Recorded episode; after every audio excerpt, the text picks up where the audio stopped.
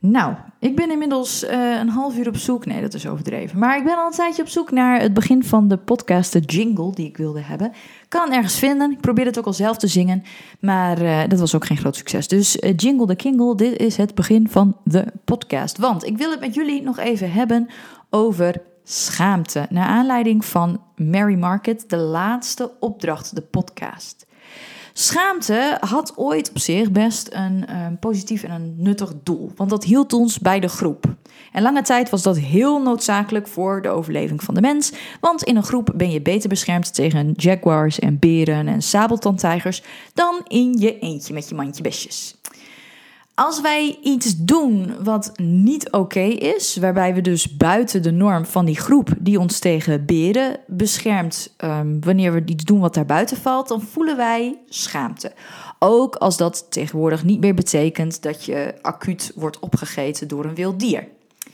Um, ik heb wel eens discussies met mensen gehad die dan zeggen: ja, schaamte is een heel goed en zinnig gevoel nog steeds, want anders zouden we slechte dingen gaan doen en bijvoorbeeld gaan stelen.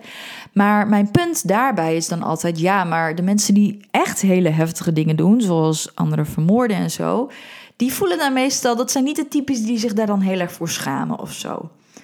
Wij voelen vaak schaamte als we iets doen wat we eigenlijk niet wilden doen, maar dan toch deden om de een of andere reden. Waar we misschien al voelen van nou, dat is misschien toch niet helemaal oké.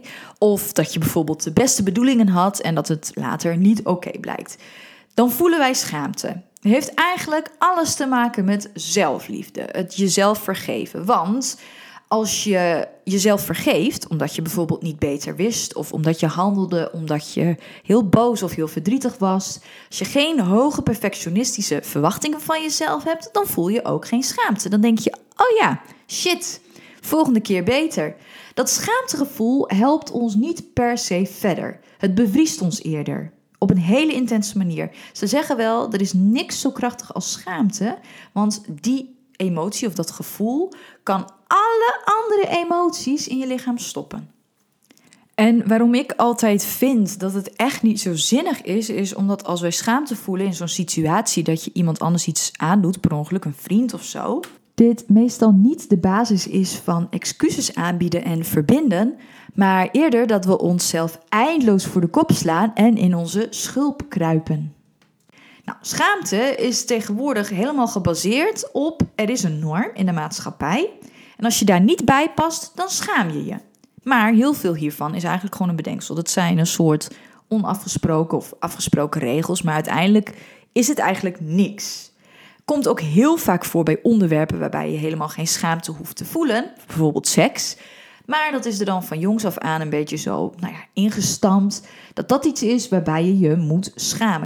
Wat ik jou met de laatste oefening van Mary Market, met de podcast, wil laten doen, is dat je je bevriezingen onderzoekt. Dat intense gevoel dat je sowieso in die podcast heel duidelijk gaat voelen.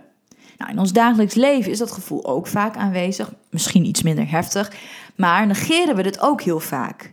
We leven naar de schaamtebevriezing als het niet nodig is, bijvoorbeeld als we ons eigen pad willen kiezen of als we iets in ons, ons innerlijke kind willen vrijlaten.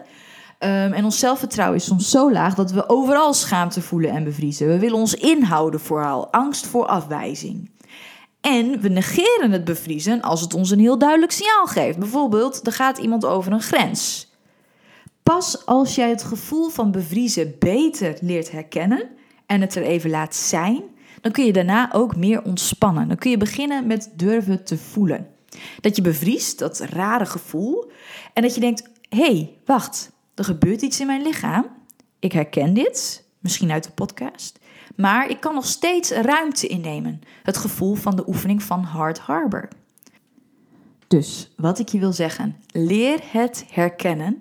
En laat het een signaal zijn dat op een zinnige manier wordt gebruikt. Dus niet als jij buiten de boot valt, maar als er bijvoorbeeld iemand over jouw grens gaat. Als je die bevriezing dan signaleert, dan kun je haar daarna ook weer laten gaan. Je lichaam ontspannen. Communiceren wat je wilt en de ruimte die je hebt weer innemen.